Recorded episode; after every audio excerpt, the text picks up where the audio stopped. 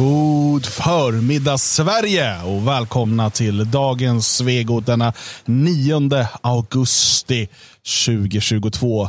Det är en tung månad augusti för många. Man har varit på semester, man har bränt mycket pengar och nu är ni halvvägs till nästa lön från förra lönen och förmodligen har ni mindre än halva lönen kvar. Det brukar nämligen vara så i augusti. Jag har läst att augusti och januari det är de jobbigaste månaderna för människor. Alltså det är så? Ja, man brukar väl säga det, att det är mer lön i slutet på månaden. Nej, jag kan inte det där. Mer månad kvar i slutet på lönen. Jag tycker det låter så, så kitschigt. Så här, åh, det är som så här, inga dåliga kläder och så. Det ni inte vet är att vi gör gymnastik eh, innan eh, sändningen här i, i studion. Dan föredrog idag Ja. programmet. Jag gjorde gäspande hunden. Gäspande hunden, eh, malande, malande bagaren. Ja. Eh, vi ska ju ha ett eh, yogaavsnitt snart. Eh, Precis. Där, eh, alltså det i ljudformat. Ja, det är fantastiskt. Jag, jag, jag känner mig lite osäker och otrygg i min, min eh, eh, framtoning. Så alltså, jag väljer att göra det bara, bara radiomässigt och ljudmässigt. Det är bra. Man hör bara... Ja, det är som jag brukar säga, yoga görs bäst i ensamhet. Ja, det gör det faktiskt. På tal om ensamhet, Ja. vi ska prata om Morgan Johansson idag. Denna bittra lilla man. Nej, denna sexiga bäst. Sexiga bäst. Vet du om vet att inte. han 2014 utsågs till Sveriges tredje sexigaste politiker? Säger det något om Morgan eller om Sveriges politiker? Det säger något om att han då ställdes mot Göran Per, nej, eh, Stefan Löfven, eh, Ygeman. Nej, jag vet inte, det, det, det säger mycket. Eh, och jag vet inte vad jag ska säga, jag vet inte vart vi tar vägen med det här. Jag mådde inget bra. Jo, just det, det jag ska säga att jag kommer, ju- vi kommer ju senare prata lite somrapport. Och jag märkte där att det här med kvinnlig rösträtt börjar jag återigen fundera över. Och när, du hör, när jag hör det här, Ja. då blir det ju etter värre. Fruntimmer, vad håller ni på Men jag vet med? inte om det är kvinnor som har valt det här. Alltså i alla fall inte biologiska kvinnor. Nej, det juryn består av Nyheter 24s redaktion. Aj då, ja men då är det ju intersektionellt. Intersexuellt. Det är flytande. Sveriges tredje sexigaste politiker. Eh, alltså, då står det så här motivering. Det spelar ingen roll hur snygg politikern är på riksdagsfotot eller om hen är lång, kort, tjock eller smal. Det är bra. Istället utser vi politiker med en extra dos personlighet. Någon som bjuder på något annat än en stel politikerprofil. Någon som gör något åt problemen i samhället. Som visar att politik faktiskt kan innebära handling och inte bara ord. Ja. Ja. Ja men det, det var så det var då på den tiden. Det här är då 2004, eh, 2014 menar jag, det är första gången då som han hamnar på den här listan över Sveriges tio sexigaste politiker. Och han säger själv att han är extremt överraskad. Ja. Inte bara han som sagt var det. Det spreds genom, genom kan- regeringskansliet där. En, Ja. en, Eh, Är du intresserad av hur det har gått för resten av listan?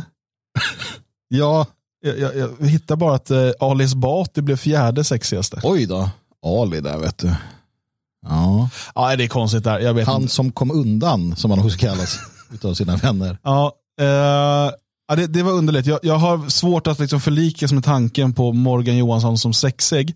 Men vi ska ju prata om hans nya förslag och sådär här strax. Det ska vi göra, det ska vi göra. Eh, och de kanske är sexiga, det får vi se. Det, det kan vara så. Eh, Eh, jag vill bara passa på att eh, påminna om att vi sänder ju varje vardag 10.00 Dagens Svegot och eh, du behöver vara stödprenumerant för att kunna lyssna på allt i efterhand.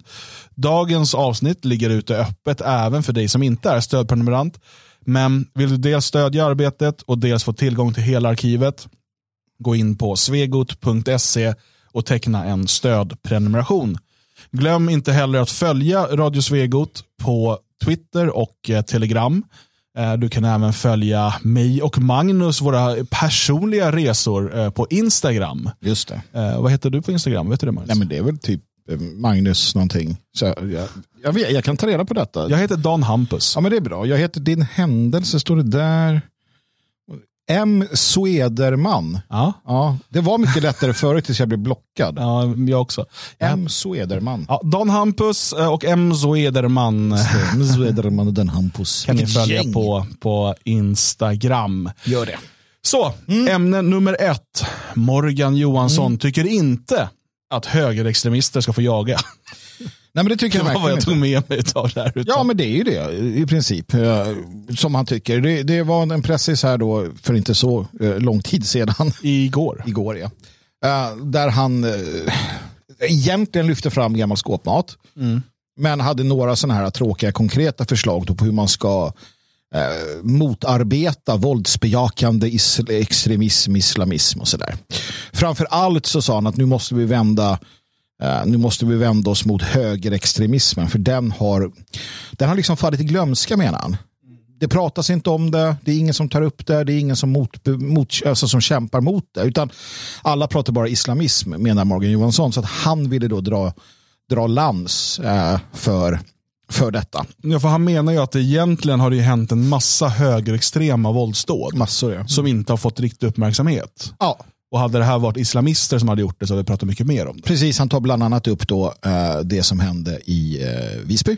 Alltså där den konstaterat psykiskt sjuka mannen som var arg på psykvården Ja, högg ihjäl psyksamordnaren. Ja, precis. Och det menar då Morgan är ett tydligt nazistiskt, han, han pratar mest om nazister faktiskt. Okay. Och han gör det på ett sätt som får mig att känna hela, så här, han är väldigt driven av personligt, eh, personlig avsky mot nazister. Det, det märker man. Eh, Hela, hela hans eh, pressis var väldigt känslosam. Ehm, Det- Ett annat exempel var ju det här skoldådet eh, där den här Babben, ja, som då vars föräldrar var miljöpartistiska politiker. just det. Det var ett nazistiskt skoldåd. Jag tycker att han, han gräver ju djupt i den här lådan för att hitta sina nazistiska dåd. Det gör han. Det gör han. Men, men han, Ingen ifrågasätter honom, alltså Nej, av mainstream-medierna. Ja, men vem fan vågar göra det? Så här, hallå där, jag tänkte försvara de här killarna lite grann nu. De är ju inte nazister i alla fall. Så här, det kan du inte göra. Speciellt när Morgan också faktiskt um, är tydlig med en sak som borde få varenda, varenda yttrandefrihetsvän eh, att, att eh, skygga eh, och, och bli vansinnig. Det är när han säger att Ja, För att de vill utvidga lagen nämligen. I det att, att eh, du ska liksom inte på något sätt då eh, få i princip understödja eh, en, en terroristorganisation. Han använder de här orden, terrorist, nazist, islamist. Det är så här, man vet inte vad han menar riktigt. Men då sa han så att ja, och då kanske vissa hävdar att eh, nazism är en politisk åsikt och att det, det faller innanför yttrandefrihetslagstiftningen. Men det tycker jag inte att det gör, säger han. Jag tycker inte att det gör det, för nazism, det är våld, det är hat och det är... Men vänta nu. Han står alltså och definierar om Nationalsocialismen är ju uppenbarligen en politisk ideologi, tycker vad du vill om den. Men, men han då hävdar att nej, det är det inte. Alltså menar han uppenbart att man ska inte ta hänsyn till yttrandefrihetslagstiftning överhuvudtaget i detta. Utan hur långt är han beredd att bredda den här lagstiftningen? När han säger att Säkerhetspolisen ska få utökade möjligheter att spara och bevaka och så vidare. Jo, men då är det ju, då är det ju helt enkelt eh, IB eh, 2.0 fast i offentligheten. Utan jaga politiska motståndare som han av någon anledning avskyr. Det här är ju oerhört. Alltså det, och det finns ju redan lagar och regler kring det här. Till exempel om du begår vissa typer av brott så får du inte längre ha kvar dina vapen och sådär. ja. Eh, Så det här är alltså människor som inte är straffade för någonting olagligt. Utan sådana som då Mogge och hans eh, polare då tycker är extremister. Precis. Eh, och, och hur ska man rättssäkert... Alltså jag, jag tänker på hur, hur liksom den... Eh, för det, det är en sak... Det, för det, det här måste man också skilja på då. Om man på något sätt ska försöka... Jag tycker att det är skit liksom, hur man än gör. Men man ska försöka nyansera och försöka balansera lite. Så pratar man ju ibland om våldsbejakande. Mm. Och sen pratar man om extremism. Saken är att du kan ju ha extrema åsikter och med det så menas väl sånt som står långt ifrån den politiska mainstreamen. Mm. Till exempel du kan ha, du kan ha extrem åsikt att vi ska ha 100% skatt. Just det. Det är en extrem Det är åsikt. en extrem åsikt, absolut. Men det betyder ju inte nödvändigtvis att du är våldsbejakande. Alltså att du är beredd att ta till våld för att genomföra detta. Nej, alltså de flesta extremister är inte våldsbejakande. Precis. Så att är det då huruvida man är våldsbejakande, huruvida man då har uttalat sig att jag vill döda politiker till exempel. Och sampla inte det där nu. Johan Lehmann, du får sluta fulcitera. Ja, det går inte längre. Om man har sagt den typen av saker, Mm. eh, är det det som ska avgöra? Eller om man har sagt, jag, eh, jag vänta, vad skulle en nationalsocialist kunna säga? Eh, jag tycker att järnvägarna ska privatiseras. Ja. För det tyckte Hitler till exempel. Ja, men precis. Eh, Det tyckte han. Och, och, Ja, alltså, och gjorde. vad, Ja. ja, vad någonstans... Eller så här, jag tycker vi ska basera arbete, eller vi ska basera valutan på arbete och inte på, på guldmyntfot. Ja, jag är för en kooperativ, eh, en korporativ stat. Jag är för extremt hårda djurskyddslagar. Ja, jag är vegan.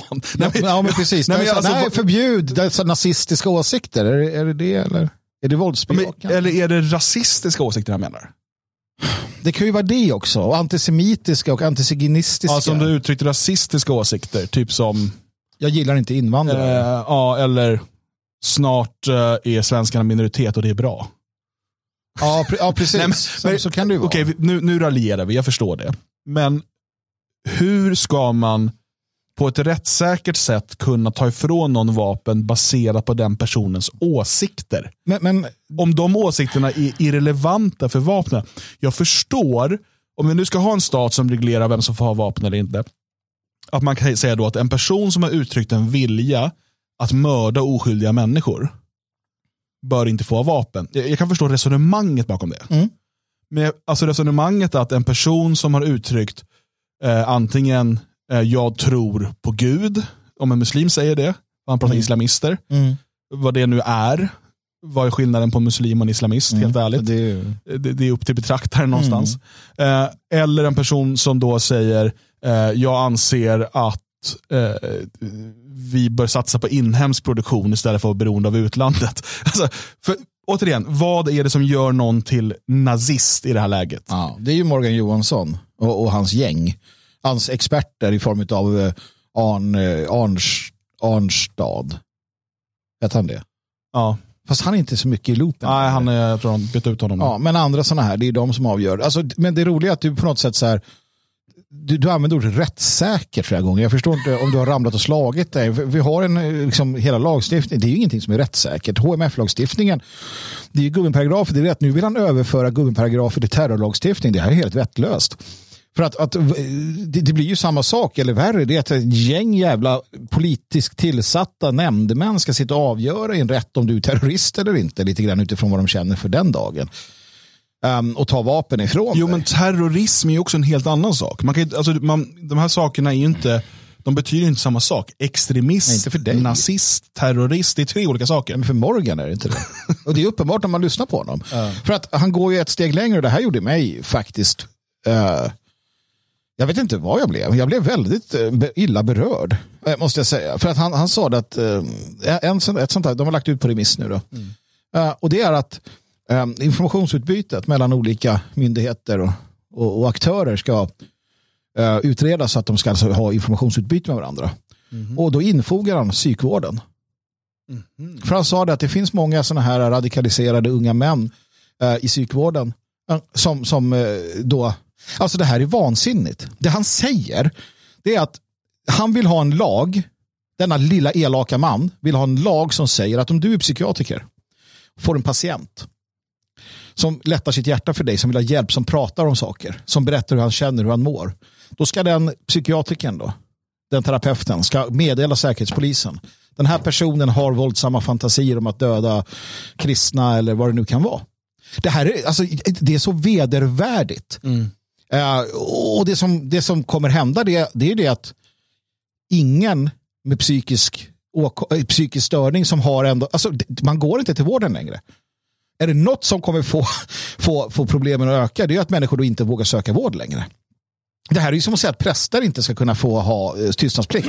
Alltså att, att det här är, att de har, jag, jag, alltså, det här är oerhört, det här är sinnessjukt. Vad fan tänker den lilla elaka jäveln med? Mm. Alltså, hur, kan man vilja, eh, hur, hur, hur långt är de beredda att gå? Ja, hur långt som helst. Tänk dig själv att du är eh, 18-19 bast, du mår skitdåligt som den här killen på Gotland. Men, han- och han har ju sökt hos vården, han fick förvisso ingen hjälp. Men, men i alla fall, men du vet att okej, om jag går till, och jag känner de här känslorna. Jag, känner, jag hör de här rösterna. Men jag vet att går jag till sjukvården, går jag till psykiatrin, då kommer de rapportera mig till Säkerhetspolisen. Ja, då går jag inte dit. Så går det ett par år och sen så gör det som rösterna säger. Det här är, det här är fullständigt vettlöst. Men det är dit att man vill driva det här. Man har ingen alltså personlig integritet. Ingenting finns kvar i Morgan Johanssons värld. Denna lilla jävla elakade värld. Och allting är personligt drivet. När han börjar prata om Twitter. Att Säkerhetspolisen ska få spara och titta och gå igenom allas Twitterkonton och de ska liksom djupdyka där för minsta lilla radikalisering då är han så arg. Han kallar det för det är en dynghög och han använder sådana konstiga ord. Han är ju verkligen en liten elak, alltså, och det beror ju på hans storlek bland annat. Mm. Han har så dåligt självförtroende, han klarar inte av att liksom vara den här misslyckade politikern, han är ganska misslyckad vågar jag hävda, man har suttit, suttit länge vid makten. Men han, han har inget bra självförtroende och det skiner igenom. Och han, just Twitter, ja det här Twitter, det är vidrigt. Ja, men det är för att han får skit. Och, och jag tänker då den här äh, psyksjuka mannen i Visby. Mm. Minns jag fel nu eller högg inte han ihjäl henne med en kniv? Mm. Och hur ska då att äh, människor förbjuds att jaga älg mm. och, och inneha typ älgstudsare i sitt vapenskåp? Hur ska det stoppa att psyksjuka människor hugger ihjäl folk med kniv? Inte alls, eftersom det inte är det hållet det går. Utan det Morgan säger är att ja, de olagliga vapnen, det är de som de ofta använder. Men det betyder inte att vi inte ska täppa till det här. Utan det det handlar om är att han använder förevändningar för att avväpna ännu fler människor. För, Men... att ha ett, ett, ett, för att ha ett väldigt trubbigt vapen som staten kan använda för att fortsätta avväpna sin befolkning. I en tid då vi ser hur andra nationer säger åt sin befolkning beväpna er för det är oroliga tider. Ja. Så säger svensk socialdemokrati naturligtvis tvärtom. Är, um, tror att man från maktens håll, och då menar jag sossarna och den djupa stat de har byggt upp under ett århundrade. Ser man, har man, ser man orosmoln på horisonten? Ser man uh, att, att liksom det kan finnas en stark Eh, tillväxt hos eh, det man kallar för extra, extremister och islamister. Alltså att de här kan vinna mycket mark och därmed utgöra ett på lite sikt eh, väpnat hot emot eh, politiker och andra. Tror att det är, det, är det därför man agerar nu, proaktivt? Eller, eller handlar det kanske om att eh, visa handlingskraft nu efter det här mordet i Visby? Ja. Visa handlingskraft, jo kanske, men också tror jag, de ser ju saker vi inte ser. De får ju rapporter vi inte får de vet hur illa det är ställt med ekonomin. De vet hur illa det är ställt med hoten mot Sverige. De vet, eh, de vet alla de här sakerna. EU har ju långt förberedda planer på när, när prekariatet så att säga gör uppror. Mm. Eh, de ser Holland, de ser ju vad som händer. Och jag tror att de vet mycket, mycket mer än vi och då gör man sådana här saker för att säga okej, okay, hur fan ska vi eh, komma åt det här? Um, när de börjar konfiskera mark i Sverige eller när man är i, i liksom green, eh, sån här, re, vad heter det, great reset. Mm. Så här, äh, men vi ska lägga ner 40% av jordbruken som finns kvar. Då vill man gärna avväpna människor eller ha möjligheten att skicka in sina stormtrupper och göra det. Så jag tror att man förbereder, krattar manegen för en framtid som de vet kommer bli jävligt stökig. Sen är det ett stort mått av maktfullkomlighet. Jag kan, därför gör jag. För det är en elak fan, den här justitieministern vi har. Um, och, och hela, hela gänget där, det är ju, de, är ju, de är ju liksom marxister i grunden. De vill ha proletariatets diktatur. Det är vad de är ute efter. Socialdemokratin har aldrig sagt något annat. De mm. vill bara gå dit med allmänna val och, och reformer. Men de vill ha eh, proletariatets diktatur och de är övertygade om att de själva vet bättre än alla andra svenska medborgare. Mm. Ja, ibland är det kanske, mm, kanske så enkelt. Eh, man ska ju ha klart för sig här också att eh, vi har ett par intressanta år framför oss. Vi ser den här retoriken nu från, från Morgan och vi har ju hört tidigare från såväl Sverigedemokrater som Moderater att man vill ha organisationsförbud mm. mot de som man kallar för nazister. Just det. Eh, vilket ju, jag menar, Sverigedemokraterna har ju mer eller mindre kallat Alternativ för Sverige för nazister. Ja, och Sverigedemokraterna själva var ju nazister en gång i tiden, så vem kommer det slå emot? Ja, men, men, men nu är man inne i värmen och då, då använder man den här typen av Precis. retorik. Uh, och jag tror att det är en del, för Sverigedemokraternas del, uh, en del skulle säga att det är för att de vill göra sig av med konkurrensen. Jag skulle, tror inte att det handlar så mycket om det, utan snarare ett sätt att försöka tvätta sin byk i mm. offentligheten. Att visa, kolla, vi är precis som ni, vi är inte mm. extremister. Ja, vi har den här problematiska bakgrunden, mm. men eh, nu vill vi förbjuda nazisterna. Mm. Kolla, ni kan, vara, ni kan hänga med oss. Liksom. Ja, men det är lite konvertitsjuka, de, de, som går och blir liksom, de som går och väljer en religion och helt plötsligt så gör de fan inget de pratar om det där. Och det är lite samma här, när man väl har bestämt sig för att nej men vi är definitivt inte nazister, nu vågar vi skilja oss från vårt förflutna, då ska vi göra det liksom på alla sätt och vis. Då utesluta alla och liksom förneka. Och... Ja. Ja, eh, nu, ja, valet blir spännande. Inte för att jag tror att det kommer göra så stor skillnad vilken av blocken eh, som, som skulle få makten, mm. eh, förutom i marginalen. Men idag så var det också partiledarintervju med eh, Magdalena Andersson mm. i P1. Jag har inte hunnit lyssna på hela än, men delar av det. Mm. Och eh, Intressant är när hon pressas eh, på det här med fastighetsskatten. Mm. För att då säger hon att, nej men, för hon har ju sagt att det här det är ju liksom eh, desinformation från Moderaterna som säger att hon ja. vill införa fastighetsskatt och sådär. Hon säger att det vill hon inte alls det. Och sen, men sen kan hon inte lova. Nej att hon inte ska göra det för att allt är en förhandling efter ja, valet. Precis. Eh, och då är det en förhandling med Vänsterpartiet, Moderat, eh, Miljöpartiet, ja. Centern och så vidare. Så hon kan ju inte lova att det inte införs. Och vad hon lovar och vad katten skiter, mm. eh, det stoppar man i samma låda. För att vi minns inför valet 2014 mm. när hon lovade att det inte skulle höjas några skatter på drivmedel. Mm. Sen blir hon finansminister och bland det första man inför är höjda drivmedelsskatter. Mm. Jag fattar inte att hon inte lovar det rakt av. Jag fattar inte att hon säger som hon gör. Vad, vad, spelar det för roll? Ja. Löften hit och dit. Att så här, försöka upprätta. Men det funkar väl också på de dumsocialdemokratiska värdena. Ja, men hon lovade inte i alla fall och vi måste ändå göra det här. Så det, det, det, det pack som utgör den stora socialdemokratiska väljarskaran, det är svårt att inte känna det djupaste förakt för dessa människor. Mm. Ofta är de också ganska medvetna. Jag pratar med en, han är fullständigt medveten om detta. Men ja, nu är det nog dags. Maggan, hon kommer nog leda oss här. Men vad, vad fan, det är ju det är förryckt liksom. Mm. Mm. Uh, nej, men så att fastighetsskatten kommer de vilja ha igen och hon vill ju ha den. Alltså socialdemokratin är ett ja. marxistiskt socialistiskt Absolut. parti som vill ha alla skatter i världen, de vill styra allt, de vill ha proletariatisk Men de är, de är strategiskt ganska sluga ofta och, så ja. och det, det, är inte så bra att gå ut med det. Uh, för att, alltså, det som man ska veta, jag, jag, det var, jag såg på, på Twitter var en diskussion och det är mycket från vänster då att ah, men det är klart de här rika jävlarna ska få vara med och betala, ja. varför ska de fattiga behöva betala? Jävlar. Och då måste man veta att eh, det finns folk som har hus de har köpt för länge sedan eller som de har ärvt, mm. som har legat i släkten, som idag har ett högt taxeringsvärde. Så på pappret är de rika, men det är mm. deras hem. Och Precis. så ska de börja skatta för ett hem som de kanske har haft i, i familjen i, i, i 20, 50, 100, 200 år. Det kan mm. vara en gård. Ja, men syftet med skatten är att i, i grunden slå sönder familjegårdarna. Det ja, men precis det du gör är ju att du, alltså, det är ett slag mot rätten att äga ditt eget hem. Ja. För att du ska börja skatta, alltså betala en typ av avgift eller en hyra till staten mm. för något du äger. Vi ska titta på det där senare För att också. nu har staten sagt att den här är värd så här mycket. Ja. Så men jag kommer inte sälja. Eh, och, och, jag tycker inte man ska skatta för det heller, men det rimliga här någonstans det är ju då att man skattar för vinsten när man säljer i sådana fall. Om mm. det ska, jag tycker inte man ska skatta för det heller, men, men någonstans. Men så här, oh, men den här har ett teoretiskt värde av 5 miljoner. Alltså ska du betala oss 4 000 kronor i månaden. Va? Ja. Det är ju helt absurt. Uh, och det finns många, speciellt då vänstermänniskor, uh, allt från uh, även då nationalsocialister som, som uh, tycker att det här är en bra idé. Mm.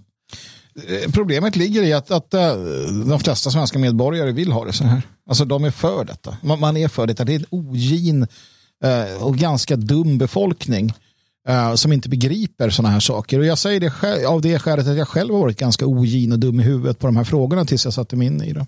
Mm. Det vill säga att man, man ropade efter en, en, stor stat, inte en stark stat, en stor stat. Det var liksom det som var någon form av så, här, så, så stor som möjligt. Uh, man ropar efter höga skatter och fördelningspolitik. Um, vilket är vansinne. Alltså, och det, det, går ju tvärs emot den nationalistiska idén. Går till och med tvärt emot den nationalsocialistiska idén om man skulle vara sån. Då. Mm. Titta på en sån som Viktor Orban som pratar plattskatt istället. Titta på de åtgärder som görs. Liksom. Men vi ska prata om som, som lite senare. Där ska vi ja, vi ska lyssna, jag var inne på Sverigedemokraterna här så jag tänker att vi ska lyssna på ett inslag här från SVT Kultur. Men när ni sökte efter någon som kunde eh, ta tag i den här vitboken så var ni ju tydliga med att det skulle vara en extern person som inte var aktiv och engagerad ja, i partiet det, eller hade varit det tidigare. Det är, ju, det är ju precis det han är, så jag förstår faktiskt inte alls den här nyhetsvärderingen. Den är ytterst märklig. Vi har rekryterat en person som vi har beskrivit och det är sant till 100 procent. Han har levererat en första delrapport som ingen har ifrågasatt på något sätt. Vad jag känner till. Jag förstår inte vad ni håller på att göra nyheter av överhuvudtaget. Han har ju varit medlem så sent som 2017 i det Sverigedemokraterna. Ja, inte varit partipolitiskt aktiv och haft uppdrag på något sätt. Om han har varit medlem tidigare eller i vilka partier han har varit medlem i, det är hans ensak. Det är ingenting som, eh, som någon annan har, har, att göra med. Han, han, har nu presenterat ett arbete, sen får man ha får forskarna ha en vetenskaplig diskussion rörande det. Än så länge har inte jag identifierat något, eh, någon sån kritik mot arbetet.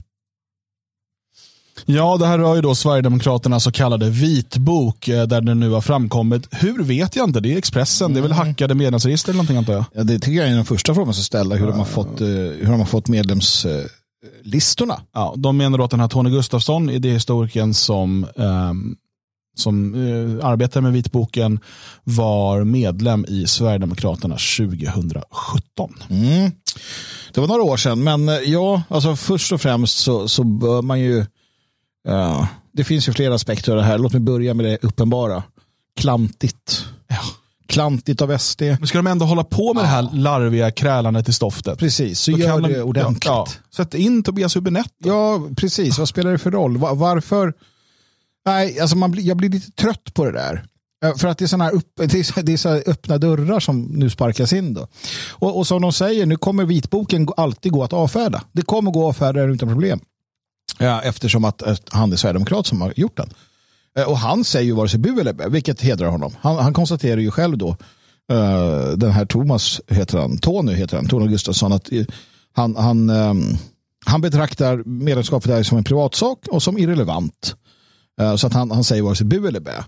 Och visst, det är sant. Alltså det här ska ju då, en, en sån här analysundersökning ska ju sen eh, kunna tittas på av andra forskare och så kan de bedöma utifrån då, eh, hur han har, har, framställt sakerna. Men, men nu är det då, eh, de kan lika gärna skita i det, liksom, känner jag. Så här, det är inte meningsfullt. Mm. Ja, då, då hänvisar Kinnunen här, som jag, det är en person som jag av personliga skäl haft svårt för i mm. 20 år. Ja. Eh, men men uh, han uh, hänvisar till att ja, den första delrapporten, det är ju ingen som har klagat på den. Nej. Och då är invändningarna då från mainstream att jo men den första sa ju bara saker vi alla redan, redan visste. Ja, precis. Och det har de ju rätt i, men varför blev det då så stor uppståndelse? Varför var folk så, åh kolla nu är det här. Ja, det, var ju saker, det var väl det vi konstaterade också, mm. när det var så här, det, här var ju, det finns inget nytt i den här Nej. vitboken. Nej. Och det säger de själva nu också. Mm. Det här visar ju, återigen, vi, vi måste ju förstå hur, hur vänstern inom brett mm. Eh, spektrum, hur de agerar. De, för dem är sanning och så vidare och fakta, alltså ja, sånt, det, det, är irrelevant. Ja. Allt handlar om makt, propaganda, hur kan man göra poäng och sådär. Eh, så att anledningen att de låtsades vara upprörda mm. var ju för att de trodde att de kunde få politiska poäng på det. Oh ja. Det är bara det det handlar om. Mm. Eh, de är väldigt liksom, cyniska på det sättet. Mm. Eh, och, och, Det här kan vara en av de viktigaste insikterna som, som ni som lyssnare måste ha. Så där, att för, alltså, sätt aldrig, kräv aldrig samma standard av vänster och liberaler mm. som ni gör av er själva. Ni måste förstå att de är väsensskilda i sin syn på sanning, rätt, fakta, rättvisa, alla mm. de här mm. sakerna. Sånt är irrelevant, för det är makten framför allt mm. och, och de spelar det här spelet på alla sätt de kan. De, de kan eh, liksom eh, arrangera bilder på, på den här lilla eh, Allan, eh, kurdiska mm. pojken, eh, och göra liksom världens snyftreportage och, och utnyttja det där in absurdum.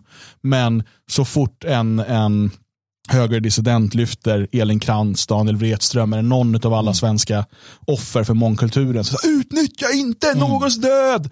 Och, och, vi tycker, va? men det här är hyckleri ni håller ja. på med.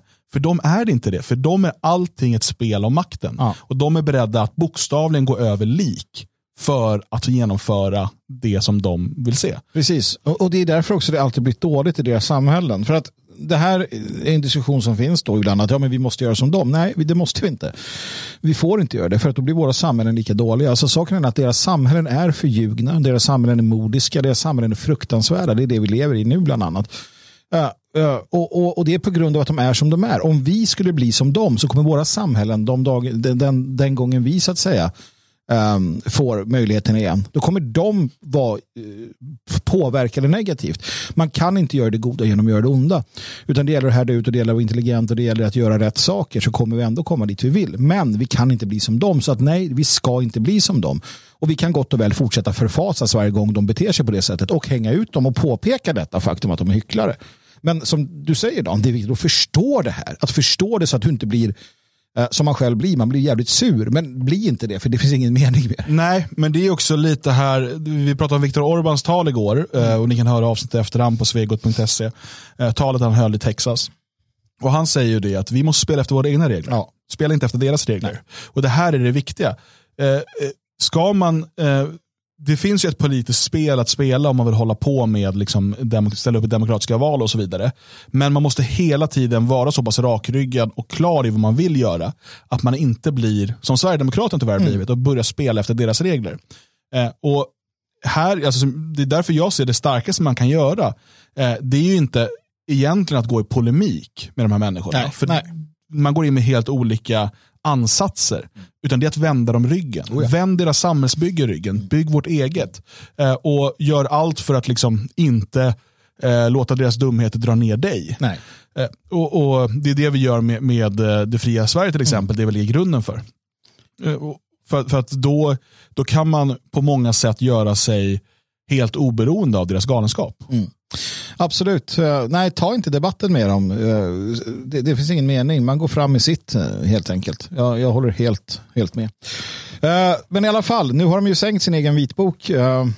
Och själva idén om en vitbok var ju löjlig. Alltså från start. Men det är precis det som vi är inne på här. Sverigedemokraterna spelar efter deras regler.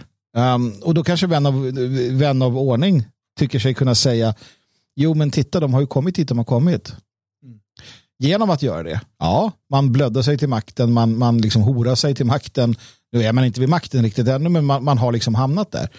Men till vilket pris? Um, vad är kvar av, av SD som ville ha repatriering? Ja, men precis. S, det SD som ville ha uh, liksom, uh, återvandring, uh, repatriering, som, som varnade. Alltså, är, det finns ju inget kvar av det. Så att, till vilket pris? Uh, är det det man är ute efter? Absolut. Men, men det, det här det blir och det är därför vi varnar för det. Gör inte det, gå inte den vägen. Um, och uh, du blir aldrig accepterad. Det är inte ett spel med samma regler. Du blir inte accepterad. SD kommer inte bli accepterade med mindre än att, nej jag tror inte att de blir det någonsin, alltså så, sådär generellt. Alldeles oavsett ser vi också nu då att, att uh, fronterna blir ju tydligare mellan så kallad vänster och så kallad höger i svensk politik, vilket är intressant. Men det här kommer nog ge sig med tiden. Jag tror inte att det är något som varar. Mm. Ja. Mm. På tal då om vänsterliberala, eh, vad, ska man, vad ska man kalla det för? Avsaknad utav eh, ärlighet och så vidare. Eh, den här husrannsakan som har genomförts nu i, natt svensk tid mot eh, Donald Trumps hem i Mar-a-Lago, Palm Beach, Florida. Um, det är ju någonting, det här är eh, någonting man inte riktigt har hört talas om tidigare i ett så kallat civiliserat västland. Nej, att du ger dig på. Alltså det är väl närmast man kommer, det är väl efter Nixon och Watergate. Jag vet inte ens om man gjorde tillslag mot presidenten eller ja, de kallas ju president också efter att de har slutat vara presidenter, men jag har inte hört om Det här, det, här är ju, det här är ju sånt man hör om där en militärjunta har tagit över eller i, i någon Ja, afrikansk eh, bananrepublik där man byter diktator mm. hejvilt och sådär. Um, det, förevändningen då för att genomföra den här massiva husrannsakan och, och som Trump säger då belägra hans hem är att man misstänker att han kan ha glömt kvar några säkerhetsklassade papper i sitt hem. Mm. Alltså, när, eh, efter hans presidenttid så lämnade han tillbaka ett 15-tal lådor med dokument och allt annat då från Vita huset. Eh, och man säger då att det kan vara så att det finns dokument kvar. Mm. Och de vill man, har man nu eftersökt. Precis, och som sagt, eh, man gjorde ju samma sak mot eh, Hillary Clinton och beslagtog alla, nej just det, förlåt, dumt av mig. Nej men återigen där hyckleriet, och här får hyckleriet, för vi pratar om eh, vänsterliberalerna eller den här hyckleriet i media som vi pratade om nyss. Här ser man ju hur det fortsätter in i, i, i och här är det djupa staten i USA, här är det verkligen på, på hög nivå. Uh, där, där mm, Biden-administrationen, Demokratiska partiet, är den djupa staten tillsammans med militärindustriella komplex och en massa andra saker. Um, och, och, alla är inte överens där heller, ska vi komma ihåg. Det, USA är ju ett, ett gytter utav, ja det är verkligen ett, ett träsk. Va? Um, men, men, här så ser man att, att uh, blickarna till stor del är riktade mot, um, mot Donald Trump. Och vi ska komma ihåg att det är genomkorrupt. Alltså det här House of Cards Um, House of Cards-filmen är inte så långt ifrån sanningen. Uh, samma sak, sådana här uh, serier som The Good Wife och annat där man, där man på olika nivåer kan se hur, hur korrupt det är, hur man George Soros gick ut i en op-ed här i, i någon tidning för någon dag sedan där han berättar att han ser till att välja.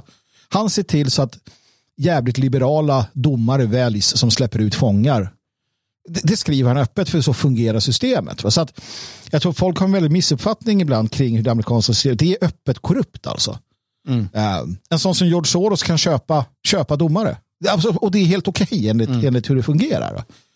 Um, och i skenet av det så tror jag att det vi ser nu är ett, ett ut, utfall från djupa staten. Um, för att de faktiskt är rädda för att, att Donald Trump ska få ska, ska ställa upp och kandidera en gång till och att man inte ska kunna stoppa honom utan att han väljs som president en gång till. Och att han den, den gången faktiskt vet vad han ska göra. Till skillnad från förra gången. För det som hände var att han pratade om Drain the Swamp men han förstod inte själv vad han gav sig in i. Nej. Men den här gången... Ja, för han hade många eh, som viskade runt omkring honom. Jag tror Bannon och andra runt de här mm. alternativmedia eh, bitarna som, som då sa sådana här saker och förklarade mm. hur illa det var. Mm. Han har väl sett delar av det. Jo.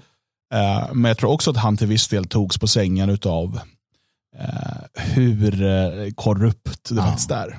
Och sen hade han ju då väldigt länge sin svärson där mm. eh, som gav råd. Han var ju den främsta rådgivaren eh, och som är en del av den här djupa, mm. djupa korrupta staten. Så jag, jag, tror att det man är rädd för det är att Donald Trump kan bli vald igen och att han är tillbaka back with vengeance som man säger. Att den här gången så skulle han kunna agera helt annorlunda och man vill inte ta risken. Man, man har möjligheten att, att fubba med valen och sådär, men man är rädd för att det finns en risk att det inte går. Mm. Um, och det är vad jag tror att, att vi ser faktiskt. Mm. Och det rehabiliterar ju Donald Trump lite grann också i mina ögon. Att, att de fortsätter ge sig på honom så här. Det säger mig att han inte är helt... Um, vi har ju alltid varit skeptiska. Mm. Det, det, första vi sa när han fick makten var att nu måste vi gå i opposition mot Donald Trump såklart. Men eh, helt förlorad tror jag inte han är faktiskt. Nej, och är, han har inte gått ut med än om han ställer upp i, i valet eh, 2024. Eh, men eh, det är det man har försökt. Vi hade ju den här Ryssland väskan, mm. eller vad man säger på svenska, uh, som ju visade sig vara en total uh, fabricering. Mm. Vi hade, alltså media spann gärna vidare på de här lögnerna om urinsex med ryska prostituerade och det var ju massa Precis. underliga saker. Ja. Eh, och, och, man har försökt, och nu har man försökt bygga mycket kring den så kallade, det så kallade kuppförsöket. Ja. Eh, alltså den här demonstrationen där eh, de som då eh, tog sig till eh, Kapitolium släpptes in av vakter och mm. gick runt där. Och, ja, några gick ju över gränsen så att säga. Man gick in i något eh, kontor och kastade ja. papper och sådär.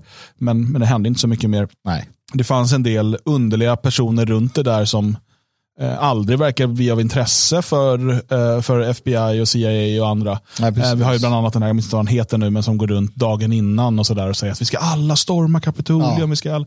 Och det filmas och man ser där, jag tror att det är Baked Alaska man ser, som står och börjar ropa Fed, Fed, ja. Fed till honom. Det, det, är mycket underligheter kring hela den där um, men, men, men det man hoppas är att kunna få honom dömd för någonting mm. så att han inte kan ställa upp. Mm. Ja men visst. Och tror jag en sån här sak um, gör ju också, det är ju fantastiskt kul för dem. De, de, de hoppas ju antagligen att om de inte lyckas, vilket de kanske inte gör, och de känner att det är lite svårt, de kommer inte få en dömd för något. För att det är ganska osannolika historier de hittar på. Men nu har de varit inne i Mar-a-Lago, nu har de gjort en, en rejäl husrannsakan. Och om det är så att Donald Trump ställer upp i valet, då kan vi ju räkna med att eh, någon jävla buttplug hittades eller du vet mm. galen porr eller några sjuka grejer. Ja, oh, titta här ett brev till Epstein eller vad som helst. För att han har haft de här genomkorrupta avskummen från FBI i sitt hem. De har gått igenom varenda millimeter. Eh, antingen hittar de saker som kanske inte är så alltså privatsaker som, som han inte vill ska komma ut eller så kan man bara säga att ja, det här man offentliggör något eller det här var vad vi hittade eller en läcka, en FBI-läcka säger att de, han hade ett tortyrrum i källaren. Liksom. Mm. Uh, han är pervers eller vad som helst. Uh, och hoppas då att hans väljarbas som är konservativ och kristen då ska här, välja bort honom. Mm. Man har ju i USA en, en enorm polarisering uh, och du har en, allt, en, liksom, en växande del av befolkningen som Uh, ni, ni, pratade väl i förra veckan tror jag om Alex Jones och mm. rättegång mot honom och sådär människor som i stort sett inte tror på någonting Ja. som staten säger. Men alltså allt sådär. Eh, och det här kommer ju bara göda den polariseringen. Eh, och eh, Jag tror att för Trump, problemet är att han, han skulle säkert kunna få, bara med liksom de här lojala supportrarna, så får han en 30-40% av rösterna. Ja. Det är det här det är de här marginalrösterna som är det svåra. Och Det är väl de man försöker påverka då med, med den här typen av saker. Precis. Jo, det är så det fungerar där. Och vi får se om de lyckas eller vad som händer. Det här kan ju också ha fått eh, Trump att säga, nej nu jävlar. Ja. Han, är ju lite lustig på det sättet. Han, han fungerar ju inte som andra. Ja. Och han vet ju att hans tid eh, är kort. Han är ju gammal. Ja, och liksom, ja, den här idén om att liksom, ja, men lämna jordelivet eh, stående och kämpa mot de här. Varför inte? Det är ett eftermäle som heter duga. Kommer han ju kunna få. Liksom. Mm. Han, är ju, han är ju väldigt mycket efter sådana saker. Så att jag tror att han är beredd att gå ganska långt bara för att prove a point. Liksom. Ska vi kolla vad svenska folket tycker? Men det är ju ständigt eh, nedslående ärligt talat. Till del i alla fall. Det, det, är Det också, beror på hur man ser det. Ja, jag skulle också säga att det är på ett sätt upplysande. Alltså, man måste förstå här hur konformistiska och medlöpande Ja. eh, majoriteten faktiskt är. Ja, och vad vi har att jobba med. All, all, Allt oppositionsarbete, allt sånt här arbete vi gör, det bygger ju på förståelsen för vad vi har att arbeta med. Ja. Vilka styrkor har vi, vilka svagheter, vilka vapen har vi, liksom så.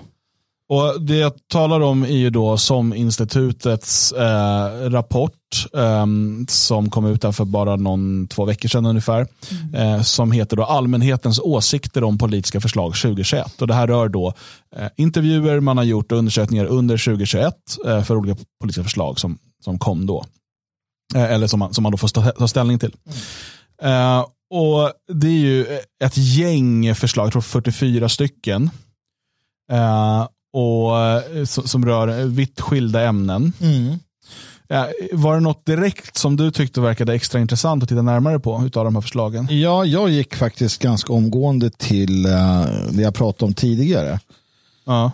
Och det var det här, eh, tabell 18, åsikt om politiska förslag minska den offentliga sektorn. Ja. Och jag ville se hur svenska folket kände inför den här ofantliga, äh, offentliga sektorn. Ofantliga sektorn. Offentliga sektorn. Och det, det är ju då inte många som vill det. Alltså de flesta svenskar, både män och kvinnor, eh, vill inte minska den offentliga sektorn. De, de, de vill att det ska vara så jävla stort och svullet som det är. De älskar byråkrater. De älskar byråkrater, de älskar liksom alla handläggare, de älskar kötider. Men jag tycker också det borde vara en följdfråga på det här. Kan du definiera den offentliga sektorn? Ja, men precis. Att- vad, vad, vad är det då? Liksom? Nej, men det är klart. Uh, vissa kanske ser en, en stor svullen stat, andra ser en, en, en eh, bra Välfärd. skola. Ja. Ja. välfärd. Men också det, det här snälla ge mig välfärd. Ja. Alltså det, det säger något om folket sådär att Ja, men så här, Dan, om du får välja mellan trygghet eller frihet, Ja, ja, då väljer du förhoppningsvis frihet. självklart. Alltid. Men här har du en, en absolut majoritet. Ja. Eller, ja, eh, ja, major, alltså, fortfar- som då väljer eh, trygghet. ja. Eh, och är beredd att uppge, att offra mycket för det. Och det. Det tyckte jag var, det var betecknande. Och eh, vi ser ju då också att kvinnorna, och det här är inget konstigt, det här är inget jag tycker är fel, men att kvinnorna mm, eh, Det är mer än dubbelt så mycket, många män som vill ha en minskad offentlig Precis. sektor än vad det är kvinnor. Ja. Och det, det är ganska biologiskt eh, naturligt att kvinnor vill ha en, en stor portion trygghet. Ja. Men saken är att ju mer, eh, och det här har vi pratat om tidigare, ju mer man kan vara beroende av staten, Mm. desto mindre är man beroende av män. Precis. Eh, och, och alltså Kvinnlig eh, politik ända sedan införandet av kvinnlig rösträtt har handlat om att det man kallar för kvinnlig frigörelse, alltså att, att, att ersätta mannen och familjen med staten. Ja. Och nej, det betyder inte att alla kvinnor vill det, men det har varit så som kvinnor har röstat. Alltså att eh, få staten att ta över de roller som tidigare mannen haft i ett samhälle. Mm. Eh, eller i, i en familj. Eh, alltså när, när det gäller skydd, säkerhet, välfärd eh, och så vidare. Precis. Uh, nej, så att, som sagt, det är inte så konstigt. Sen ser man då att det är framförallt då i uh, de yngre Uh, nej, det är inte alls det. Nu ska, det är mycket dåligt förslag. Jag försöker komma ihåg vad jag tittar på här.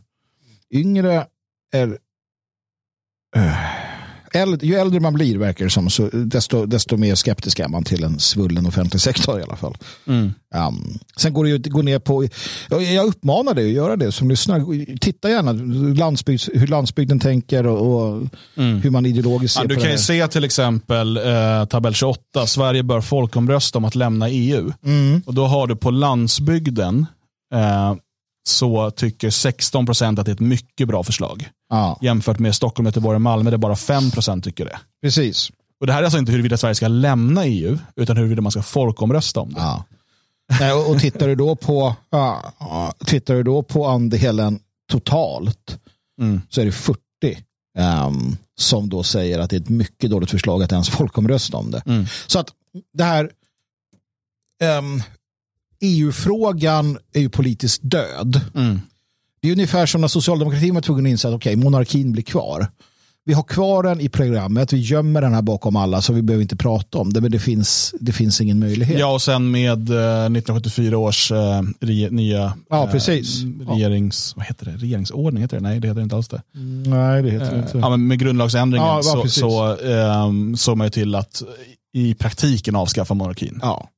Och jag menar, unge, unge, återigen, då, kvinnorna uh, är ju då uh, inte lika övertygade som männen. Igen. Ja. Kvinnorna vill, om jag ska vara taskig, de vill vara kvar i EU. De ja. vill definitivt ja, de vill absolut inte ha någon Nej. omröstning om det. Absolut inte. Och samma, lite förvånande kan jag tycka, ungdomen är ju inte heller så sugen. Uh, mm. Om man tittar på det heller. En eh, intressant eh, då, tabell 33 som jag tror våra lyssnare är intresserade av. Mm. Eh, förslaget ta emot färre flyktingar i Sverige. Mm. Det är också en intressant formulering. Men vi kan, absolut, absolut. Där då eh, bland männen är det 39 procent som tycker att det är ett mycket bra förslag och 25 procent som tycker att det är ett ganska bra förslag. Mm. Vilket betyder att vi har ju liksom där en majoritet Jaha. som ändå tycker att det är, det är ett bra förslag att ta emot färre flyktingar. Ja. Bland männen då 64 procent som tycker antingen att det är mycket bra eller ganska bra. Mm. Bland kvinnorna så är det 28 procent, eh, alltså färre, som tycker att det är mycket bra förslag och 23 procent tycker att det är ett ganska bra förslag, vilket är 51 procent mm. tillsammans. Eh, så att det finns ju en, en majoritet och, ja. och ser man på eh, samtliga så är det 33 procent tycker att det är ett mycket bra förslag och 24 procent ett ganska bra förslag. Mm. Eh, så vi har 57 procent som eh, då, och det är bara 8 procent totalt som tycker att det är ett mycket dåligt förslag. Precis. Eh, vi kan också se att de yngre vill ha fler. Mm. Alltså de i större utsträckning vill ha fler flyktingar. Mm. Eh, Medan ju äldre folk blir, desto färre vill de ha kan man säga. Just det. Just det.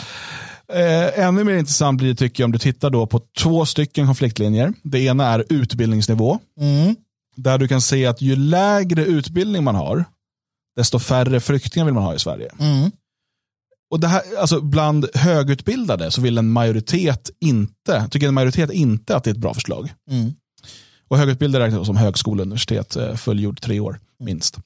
Um, och det här tycker jag är ganska naturligt mm. på det sättet att det är arbetare och medelklass eh, framför allt, eh, som drabbas av mångkulturen. Mm. Eh, medans eh, högutbildade och så vidare antingen då rör sig eh, i akademiska och kulturkretsar eller har då eh, kanske högre lön och bor i liksom segregerade områden och så vidare. Mm. Medans eh, de här som räknas som låg utbildning där 44 procent tycker att det är ett mycket bra förslag. 23 procent ganska bra, så det är en kraftig majoritet för att ta mm. emot färre. Eh, de måste ju dels konkurrera på arbetsmarknaden på ett annat sätt med de här eh, lågutbildade eh, invandrarna som kommer. Mm. och dels så drabbas de av det för det är deras bostadsområden som mångkulturaliseras. Ja, och inte en liten del nu för tiden, inte förr, men nu är ju också att om du går igenom den högre utbildningen då blir du också fullmatad mm. med mm. propaganda, värdegrundsfrågor, inte, inte utbildning. Titta på de som utbildar sig till socionomer, de som utbildar sig socialsekreterare, eh, ska bli alla de här sakerna. Um, till den delen poliser och liknande också faktiskt. Men i alla fall, det är inte högerpil på det sättet. Ehm, uh, de går ju också ut, alltså om de drabbas till exempel om en, om en, en liksom, eh, feministbrutta som har gått igenom högre utbildningen drabbas av, av våld eller sådär från, från en främling, låt säga. blir våldtagen, då kommer hon med större sannolikhet gå ut och skriva att det var hennes eget fel eller det var patriarkatets fel eller det var något annat fel. Hon kan inte ens se och detektera det här längre för att hon är så förstörd. Mm. Eh, och vi har ju sett den typen av kulturmänniskor som går ut och liksom tar strid för våldtäktsmän och detta, men de förstår inte bättre och så vidare. Så att det finns en sån aspekt också i detta att du blir fan dum i huvudet av högre utbildning. Mm. Eh, den andra konfliktlinjen då är ju eh, var man bor någonstans. Mm. Alltså om man bor i eh, storstäderna eller på landsbygden. Mm. Och I mm. storstäderna har vi en högre grad eh, utlänningar, vilket gör ju att de är med och röstar i det här också. Mm. Det här är inte bara svenskar som väljer. Eh, och eh, en högre grad högutbildade och så vidare. Mm. Det man kan se är att de som bor på landsbygd, alltså det är en förkrossande majoritet som tycker att det här är bra eller mycket bra förslag. vi pratar 63 procent. Mm. Det är bara 6% som tycker att det är mycket dåligt förslag på landsbygden. Jämför du med Stockholm, Göteborg och Malmö så är det inte ens en majoritet som tycker att det är ett bra förslag. Mm. Däremot 12 procent eh, alltså tycker att det är ett mycket dåligt förslag. Det där är ändå intressant, för man, för man skulle ju, det här motsäger ju det som som politikerna hävdar. Det är att du har en avfolknings, alltså landsbygd, avfolkningsbygd. Mm. Uh, där man säger då att ja, men ju fler invandrare desto mer blir det ju, alltså, då, då blir det ju levande. Mm. Då får vi ju människor, alltså nej, alltså landsbygden säger nej, hellre avfolkning. Alltså hellre ingenting, hellre mm. inga affärer, hellre tio mil till, till posten. Uh, det är ju vad de säger. Mm. Och, och, och, det är ju uppenbart då att städerna kan vi ju bara mm. Alltså det finns ett fåtal vettiga folk. Men då samtidigt som det här med flyktingar kan ju vara svårdefinierat. Mm. För vad menar folk med flyktingar och sådär. Nej, så har du tabell 36, jag tror du kollar på den va? Mm. Satsa på ett mångkulturellt samhälle. Mm. Det är då förslaget. Vi ska satsa på ett mångkulturellt samhälle. 24% av kvinnorna tycker att det är ett mycket bra förslag. 31% av dem tycker att det är ett ganska bra förslag. Så mm. bland kvinnor är det då 55% som tycker att det här är ett mycket bra eller ganska bra förslag. Bland män 13 procent tycker att det är mycket bra förslag och 27 procent ganska bra förslag. Så då är det uppe på en 30, eh, 40 procent. Mm, 40 Ja. Um, så då har man en stor skillnad när det gäller kön. Mm. En annan uh, stor skillnad vi ser, återigen, utbildningsnivå. Mm. Alltså det man kan säga då arbetare och lägre medelklass, normalt sett då låg och, och medelhög, eller medellåg utbildningsnivå. Mm. Så är det bara 10-17 procent. Um, som tycker att det är mycket bra förslag, medan bland de med hög utbildning tycker 28 procent att det är ett mycket bra förslag. Mm. Eh, och bara 5 procent av de med hög utbildning tycker att det är ett mycket dåligt förslag. Mm. Eh, alltså det, det, det, är stora skillnader. Vi pratar om liksom dubbleringen tre gånger så mycket mm. eh, beroende på det där. Ja, du ser samma där med, med landsbygd återigen, är vi tillbaka. Ja. ja. det är precis samma där. 11 procent på landsbygden tycker att det är ett bra förslag. Ja. Medan 33 procent i Stockholm, Göteborg och Malmö tycker att det är bra förslag. Alltså ja. tre gånger så många. Ja. Um, att satsa på ett mångkulturellt samhälle. Och, eh, för det är det jag tycker är det mest intressant med det här. Det här befäster de konfliktlinjer vi har pratat om. Oh ja, oh ja. Uh, och, och, du har uh, tyvärr konfliktlinjen kvinna-man. Ja. Uh, och du har konfliktlinjen stad och land. Ja. Och, och De här konfliktlinjerna, jag, jag vågar eh, profet, inte profetera, profetsera. Profet, ja, profet. Ja, jag, jag har en förutsägelse. ja. Att um, den här eh, konfliktlinjerna kommer inte bara bestå, de kommer öka. Oh ja, oh ja. ja, det kommer de. Och jag är lite sådär att eh, jag är glad över att jag har eh, flyttat från storstan. Mm. För att det är inte så mycket att jag liksom inte klarar av, att jag inte gillar arkitekturen eller så. Det gör jag. Eh, jag såg bilder som du hade tagit när du var i Stockholm sist. Det är min hemstad. Jag älskar Stockholm. Alltså, jag, jag har varma känslor för storstäderna i det att det finns väldigt mycket fint där. Mm. Men när jag ser de här sakerna, då inser jag att de här människorna, jag har ingenting med de här att göra. Och det är direkt farligt för mig. Det är direkt farligt för mig och en, en, en framtida liksom familjekonstellation att befinna mig där. Det är direkt farligt för de här människorna har ingen förståelse för vad de pysslar med. Eh, de ser definitivt inte de här mörka molnen på himlen som de facto finns. De lever i sina megastäder. Jag, jag ser den här Judge Dredd-världen framför mig, även om det är att, att gå för långt. Men så här megacities och sen så utanför dem så lever människor lite mer fritt. Mm. Um, och vi såg under, under hela coronapandemin och liknande hur det går att belägra. Det går att stänga in människor de här lyder, det här är människor som lyder staten i mm. allt. Alltså som dissident och som, som frihetsälskande så är det farligt och kommer vara ännu farligare framgent att befinna sig i storstäder. och därför så, så, ja, nu är vi tillbaka här igen där jag säger snälla, snälla du som lyssnar och befinner dig i storstäder, förstå det här och gör vad du kan. Mm. Jag, orkar inte, jag orkar inte tjata mer. Det är uppenbart. Man väljer sitt, man väljer sitt, sitt uh, sammanhang och väljer bort det. Snälla för guds skull alltså. Mm. Ja, eh, och, och, för det är det här vi, vi pratar om, att, att vända dem ryggen och så vidare. Och det, det gör vi ju genom att eh, lämna storstäderna, eh, flytta upp på landet, göra oss så oberoende av staten och makten som möjligt. Saken är att vi kan inte helt komma undan den. Nej, nej. Men vi kan göra, hela tiden ta steg för att göra oss oberoende av den. Eh, och det allra bästa sättet det är såklart att eh, flytta ihop med likasinnade människor, alltså nära varandra. Eh, bygga de här nätverken. Börja att i så stor utsträckning som möjligt bara handla med varandra. Vad kan ni liksom hjälpa varandra med istället för att ta in externa? Eh, på så sätt kan man också undvika att blanda in eh, Skatteverket mer än nödvändigt. Mm. Och eh, Det finns egentligen bara fördelar. Du som sitter där fast i, i, i, eh, i din lägenhet i storstan eller i ditt radhus eh, överbelånade på liksom mångmiljonbelopp. Eh, det finns andra möjligheter. Här i norra Skaraborg så bygger vi en, en gemenskap av utav nationalister. Vi har Svenskarnas hus som vår som vår mötesplats eh, och vi har bara kommit alltså, myrsteg på vägen. Oh ja, Alltså, det, det, är, det finns ingenting färdigt här att komma och bara njuta av frukterna. Utan hit kommer man för att man vill vara med och bygga en framtid. Absolut. Bygga hårt, jobba hårt, ja. investera. Eh, men jag, jag skulle vilja lyfta en annan sak som också befäster något vi har sagt. Och som sagt, kära vänner, jag är så trött på att vi har rätt. Jag är så trött på det. Eh, Dan Eriksson. Jag läser också att förslaget finns då här som man tittar på förbjuda ansiktstäckande slöja på allmän plats. Mm. Det är 43, tabell 43. Mm. Uh, och då ser vi att mycket bra förslag tycker 32 procent. Mycket dåligt tycker 15 av totalen. Uh, kvinnor och män, kvinnor 29 procent som tycker det är mycket bra och män uh, 34 procent. Och sen så.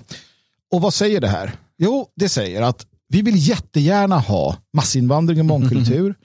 Så länge de slutar vara muslimer. Alltså hela mm. den här kontrajihadistiska idén har ju fått fäste någonstans. Absolut, den är mainstream. Den är mainstream. Så att ja, men vi ska ha pissliberaler, de ska vara bögar, flator, de ska göra abort, de ska liksom inte gå till moskén. De ska vara som vi, de ska vara lika äckliga som vi som sitter här på Östermalm och Södermalm och, och liksom, eh, ja, är, är liberaler. Då är det okej. Okay.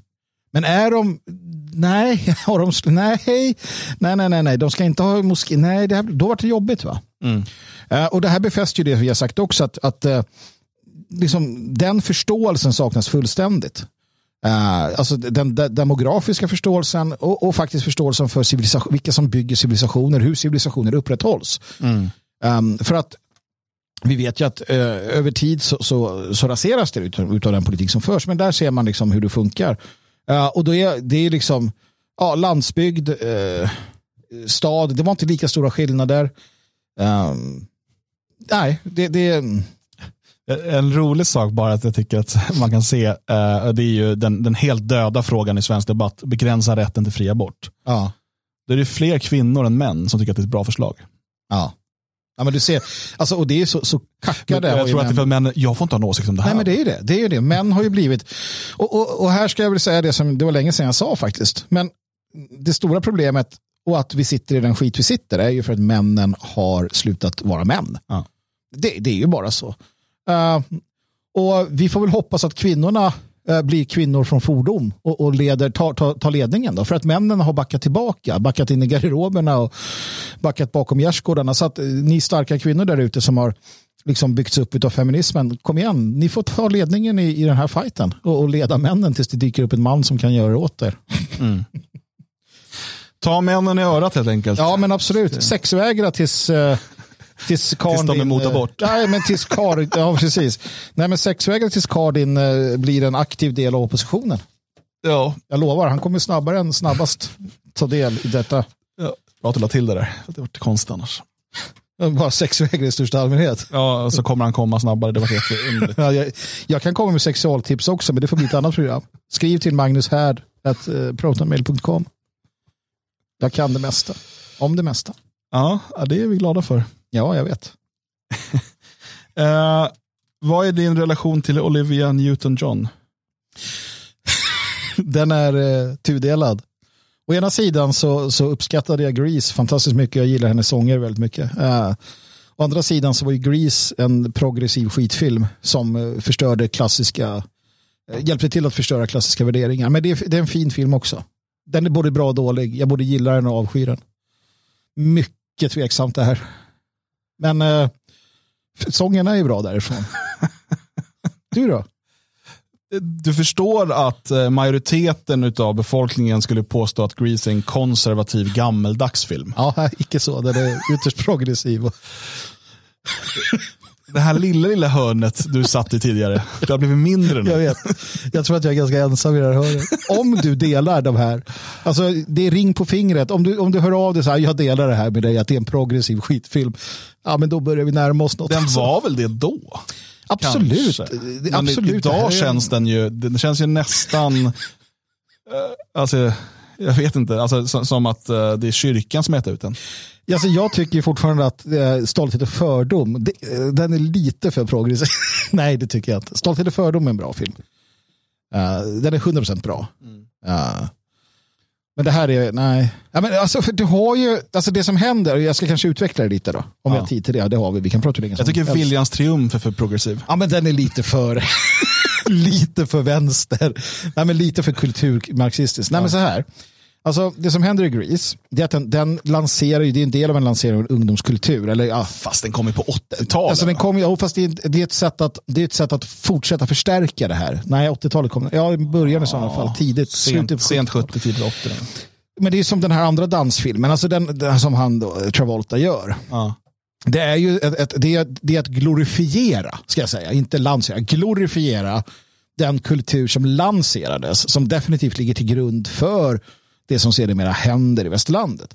I det så, så ja, sen visar de också att män har känslor i den här filmen. uh, Danny då blir ju Fast det tycker jag är fint, för att jag kommer att prata mycket, mycket mer om känslor också, för män behöver uttrycka dem. Så det är i sig inget problem. Va? Men nej, den är i allt väsentligt progressiv.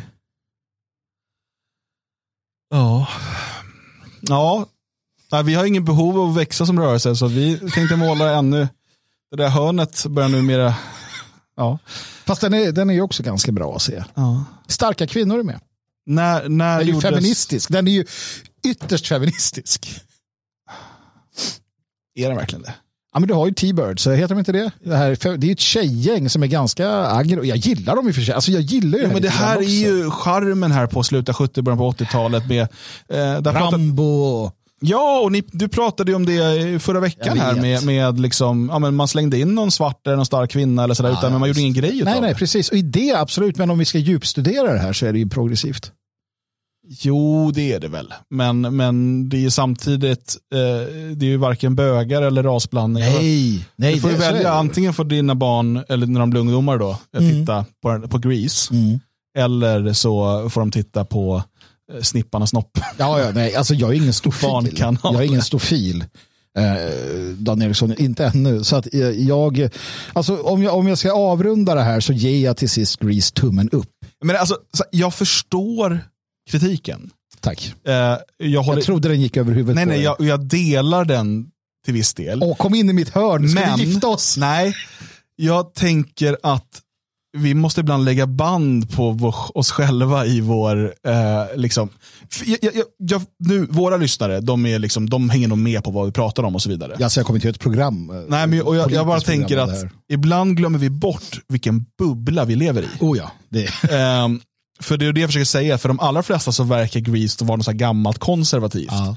Och vi bara, nej det där, det där är alldeles för lössläppt. och det, det, är ju som att, alltså det är omvända kokande grodan. Ja, vi, vi tar grodan och bara kastar ner den i lava. Bara, och drar upp den och kastar ner den igen och håller på så. Han märker inget va? Bara, jo, han är död. Grodan är död Magnus. Det måste, död. Det skulle... Ta ny. Vi måste fortsätta. Eller vad det han skulle kanske. Han hoppar ur eller vad ja, det är som händer. Gud vet. Så att, ja. Nej, men så är det ju absolut och man får ju akta sig. Och det är viktigt, alltså vi ska inte framstå som dår, dårpannor liksom. Uh, och det gäller att aldrig ljuga såklart. Får man frågan måste man svara, men undvik att få frågorna kanske. Det är ju sällan någon frågar om man tycker att Grease är progressiv. Är det sant att vi ska ut på en valturné nu?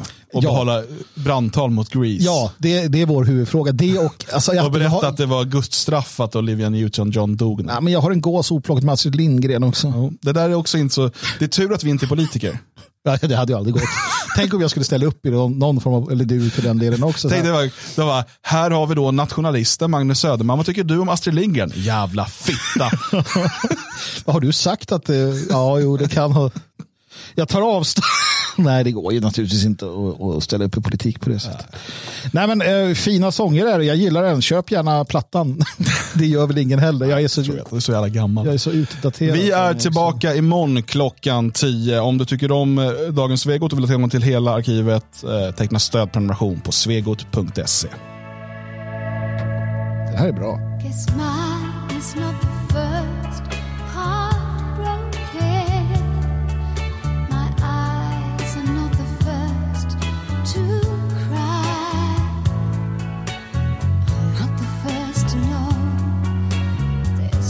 no getting old.